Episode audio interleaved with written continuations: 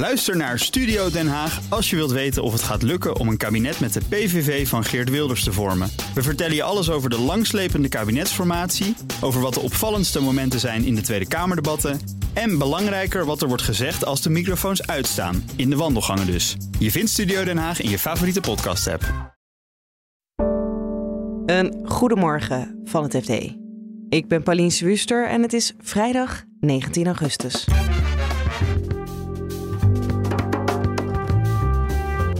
Duitsland zou zomaar een enorme draai kunnen gaan maken.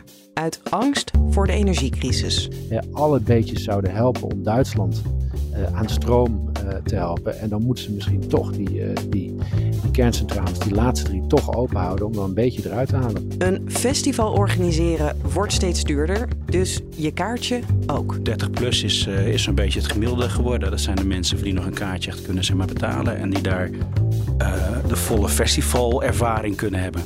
En er is een nieuwe trend op de arbeidsmarkt: anti-werk. En anti-werken doe je in het buitenland. Onder andere Portugal. Heel, heel populair is dat onder de anti-werkers. Dit is de dagkoers van het FD. 31 december om uh, middernacht uh, zou het voorbij zijn met alle kerncentrales in, in Duitsland. Dat scenario eigenlijk wil de Duitse regering dat nog steeds doen, maar er wordt aan alle kanten druk uitgeoefend op Duitsland, vanuit het buitenland, maar ook in eigen land, om die laatste kerncentrales toch maar open te houden. En dat heeft natuurlijk alles te maken met, met de escalerende energiecrisis waarin Europa verkeert. Goede kans dat Duitsland dus gedwongen wordt om zijn energiepolitiek om te gooien. Onze correspondent Gerben van der Marel ging langs bij één van die kerncentrales die nu nog draait. Het bijzondere aan deze kerncentrale waar ik was, in Neckar-Westheim, is dat er, en dat is vrijwel onbekend, dat er een uh, sluiproute is om toch binnen te komen. En dat is een bijzonder verhaal. Uh, bij de aanleg van deze kerncentrale in de jaren 70 heeft de burgemeester, toenmalig burgemeester, één ding afgedwongen. Die zei, er is hier een oeroud wandelpad. En je weet, Duitsers houden ontzettend van de natuur en wandelen. Je kan ook heel mooi wandelen, maar er zijn weinig uh, wandelroutes zo bijzonder als deze, want uh, er is een recht van overpad. En dat heeft hij afgedwongen. En dat betekent dat als jij als wandelaar langskomt, en dat weten heel weinig mensen, er komen er misschien uh, vier, vijf mensen per week, dan moeten ze de deur open doen om je die 500 meter over het terrein te laten lopen naar de andere kant van het wandelpad. En dat betekent dat ik me daar gemeld heb. Ik was om 7 uur s'avonds daar. Heb aangebeld nadat ik door een paar bosjes en een paar uh, geulen overheen moest springen. Uh, en inderdaad, toen kwam er een, bewaker aan met een hond. Uh, en die heeft me op gepaste afstand, bewapend dat hij was, mij streng naar de andere kant van, het, van de kerncentrale gebracht. En dan kan je dan je wandeltocht vervolgen.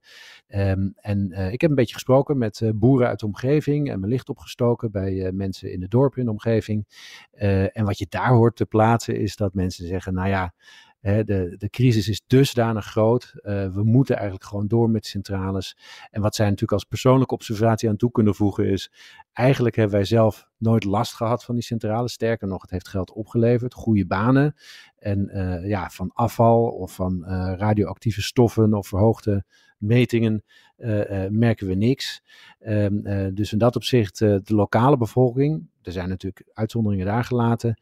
de lokale bevolking, die, die zien echt geen problemen met het, met het door laten lopen van deze kerncentrale. En de rest van de Duitse bevolking? Ja, daar zijn enquêtes over. Nou is dat met enquêtes zo. Uh, ja, er, komen wel eens rare dingen uit. Maar in dit geval uh, is het ook. Uh, de meerderheid van de Duitse bevolking is daar ook voor. Hè, het openhouden van die, van die kerncentrales. Ja, en dat is echt een, echt een complete ommekeer met het sentiment uit. ja, van 30, 40, 20, 30, 40 jaar geleden. Misschien zelfs van twee jaar geleden, uh, waarbij uh, kernenergie, in tegenstelling tot Frankrijk, echt als een, uh, ja, als een als, als iets heel onverstandigs en onveiligs werd gezien. En hoe verklaar jij dan die enorme ommezwaai die Duitsland toch heeft gemaakt? Ja, de ommezwaai van Duitsland, dat is, een, uh, dat is eigenlijk het thema van het jaar. Uh, uh, Duitsland moet op allerlei manieren niet een beetje bijsturen, maar deze regering voelt zich gedwongen om het stuur compleet om te gooien. En dat uit zich in de buitenlandse politiek. De relatie met Rusland natuurlijk, hè, die vrij vriendschappelijk was met alle directe gasverbindingen die aangelegd zijn uh, naar Duitsland om die industrie maar lekker van uh, goedkoop gas te voorzien. Uh, tot aan de energiepolitiek, die, waar alles gericht was op ehm, het uitstappen van, bij, van, uit kernenergie, dat is één.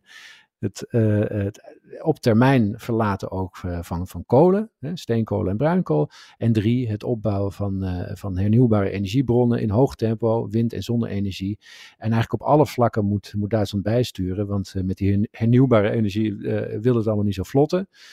En met die, met die exit, zullen we zeggen, um, ja, dat, is, dat werkt niet. Hè? Want kolen zijn hard nodig voor de gas, voor de, om gas te vervangen.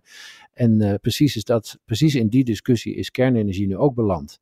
alle beetjes zouden helpen om Duitsland uh, aan stroom uh, te helpen. En dan moeten ze misschien toch die, uh, die, die kerncentrales, die laatste drie, toch open houden om er een beetje eruit te halen.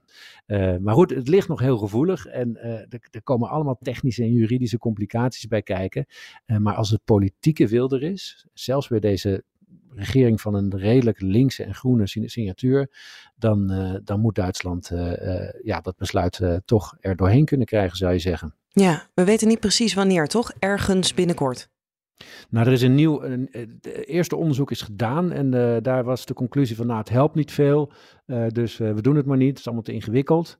En door die druk is er nu een tweede onderzoek, een stresstest loopt er nu. Hè, van wat, hoe betrouwbaar is het, is, is het energienet van, van Duitsland in het geval van terugvallen, het wegvallen van.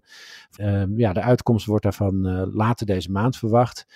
maar je ziet, de panelen zijn aan het schuiven. De Wall Street Journal schreef eergisteren op basis van regeringsfunctionarissen die niet bij naam werden genoemd dat het, uh, dat het eigenlijk al een uitgemaakte zaak is dat ze langer open zullen blijven. Dat werd hard ontkend vanuit de regering.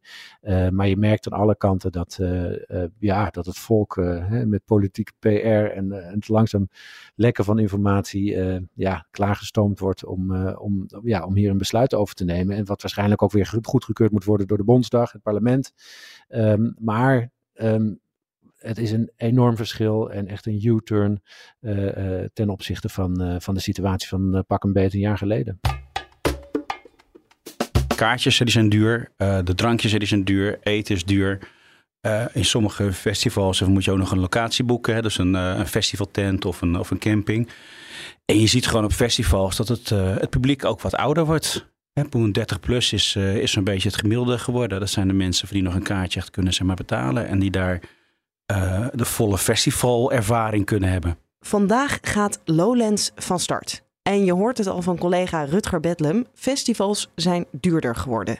Niet alleen voor bezoekers, maar ook voor de organisatoren. Ja, er zijn best wel grote uh, tekorten. Je ziet dat er uh, um, het personeel zit tekorten. Dat raakt ook gewoon in de festivalwereld. Uh, zelfs de festivals die altijd heel veel uh, mensen hadden, vrijwilligers hadden, heel veel mensen hadden die graag eventjes een weekendje werkten daar. Uh, die komen al niet meer. Uh, er zijn veel mensen die nu bij de GGD werken, die al twee jaar niet in de festivalwereld hebben kunnen werken en iets anders zijn gaan doen of zich hebben laten omscholen. nou ja, dan als je een omscholing krijgt, dan blijf je ook wat langer hangen vaak. Die mensen die zijn er gewoon niet. Of ze zijn in ieder geval minder. En vooral ervaren mensen zijn er veel minder de problemen houden nog steeds niet op, want ook materiaal is weer lastig. En materiaal is ook lastig. We hebben natuurlijk een, eh, een coronacrisis uh, met de GGD-locaties en de prikkenlocaties, die ook allemaal hun tenten nodig hebben en een sanitaire, et cetera. Maar je hebt ook een, een vluchtelingencrisis. Waarbij een deel van de portocabins, de toiletgebouwen, douches, et cetera, gewoon een vol jaar in, in, staan en andere opvangcentra doordat de materialen schaars zijn, van zijn ze ook duurder. Uh, energie is duurder, uh, uh, het personeel is duurder. Dus alles is, alles is duurder geworden. Lowlands heeft de kaartjes 35 euro omhoog gegooid dit jaar. Nou, dat hebben ze nog nooit gedaan. En ik sprak de directeur een paar weken geleden. En zei, eigenlijk komen we daarmee nog steeds niet uit. En ja, hoe, hoe ziet hij dit dan voor zich? Want uh, Erik van Eerdenburg hebben we het dan over, ja. uh, festivaldirecteur van uh, Lowlands. als hij zegt, dit is niet rendabel, hoe, ja, hoe, gaat hij daar dan mee om? Want uiteindelijk wil hij Lowlands nog een paar jaar blijven organiseren, denk ja. ik. Nou ja, het is natuurlijk niet zo van dat ze verlies maken, maar hè, het is natuurlijk een organisatie van die gebaseerd is op winst maken en, en, en niet op break-even spelen. Uh, in volgend jaar zullen ze opnieuw de kaartprijs omhoog moeten gooien. En tot slot, het is je misschien opgevallen. Je vindt op zaterdag nu ook een andere podcast in deze podcastfeed. De Week Voorbij. Onze weekendpodcast die wordt gepresenteerd door Elfanie Toulaar. Deze week gaat die over de anti-werkbeweging. Mensen die zich niet thuis voelen in het werkende leven zoals we dat nu hebben ingericht. Elfanie, geef je alvast een voorproefje. Morgen horen we natuurlijk waar die beweging vandaan komt. Maar we hebben ook die mensen zelf uitgebreid geïnterviewd en hen gevraagd waarom ze dit doen, hoe je dit kunt doen, wat er allemaal bij komt kijken. Het is niet gratis natuurlijk. Ik bedoel, leven kost geld. Hoe ze het volhouden en waar ze zich tegen verzetten. Ja. En we gaan ook wat tripjes naar het buitenland maken, volgens mij. Precies, ja, want dat is dan vaak waar ze naartoe gaan. Onder andere Portugal. Heel, heel populair is dat onder de anti-werkers.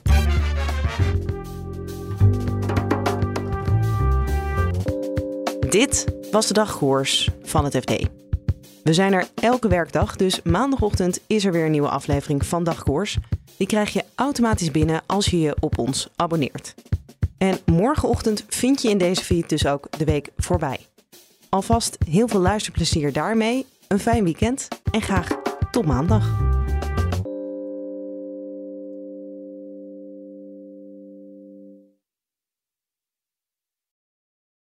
Ook Hugo Reitsma vind je in de BNR-app. Superhandig die BNR-app. Je kunt alle programma's live luisteren, breaking nieuwsmeldingen. Je blijft op de hoogte van het laatste zakelijke nieuws. En je vindt er alle BNR-podcasts, waaronder natuurlijk de belangrijkste, Boeken zijn in de wijk. Download nu de gratis BNR-app en blijf scherp.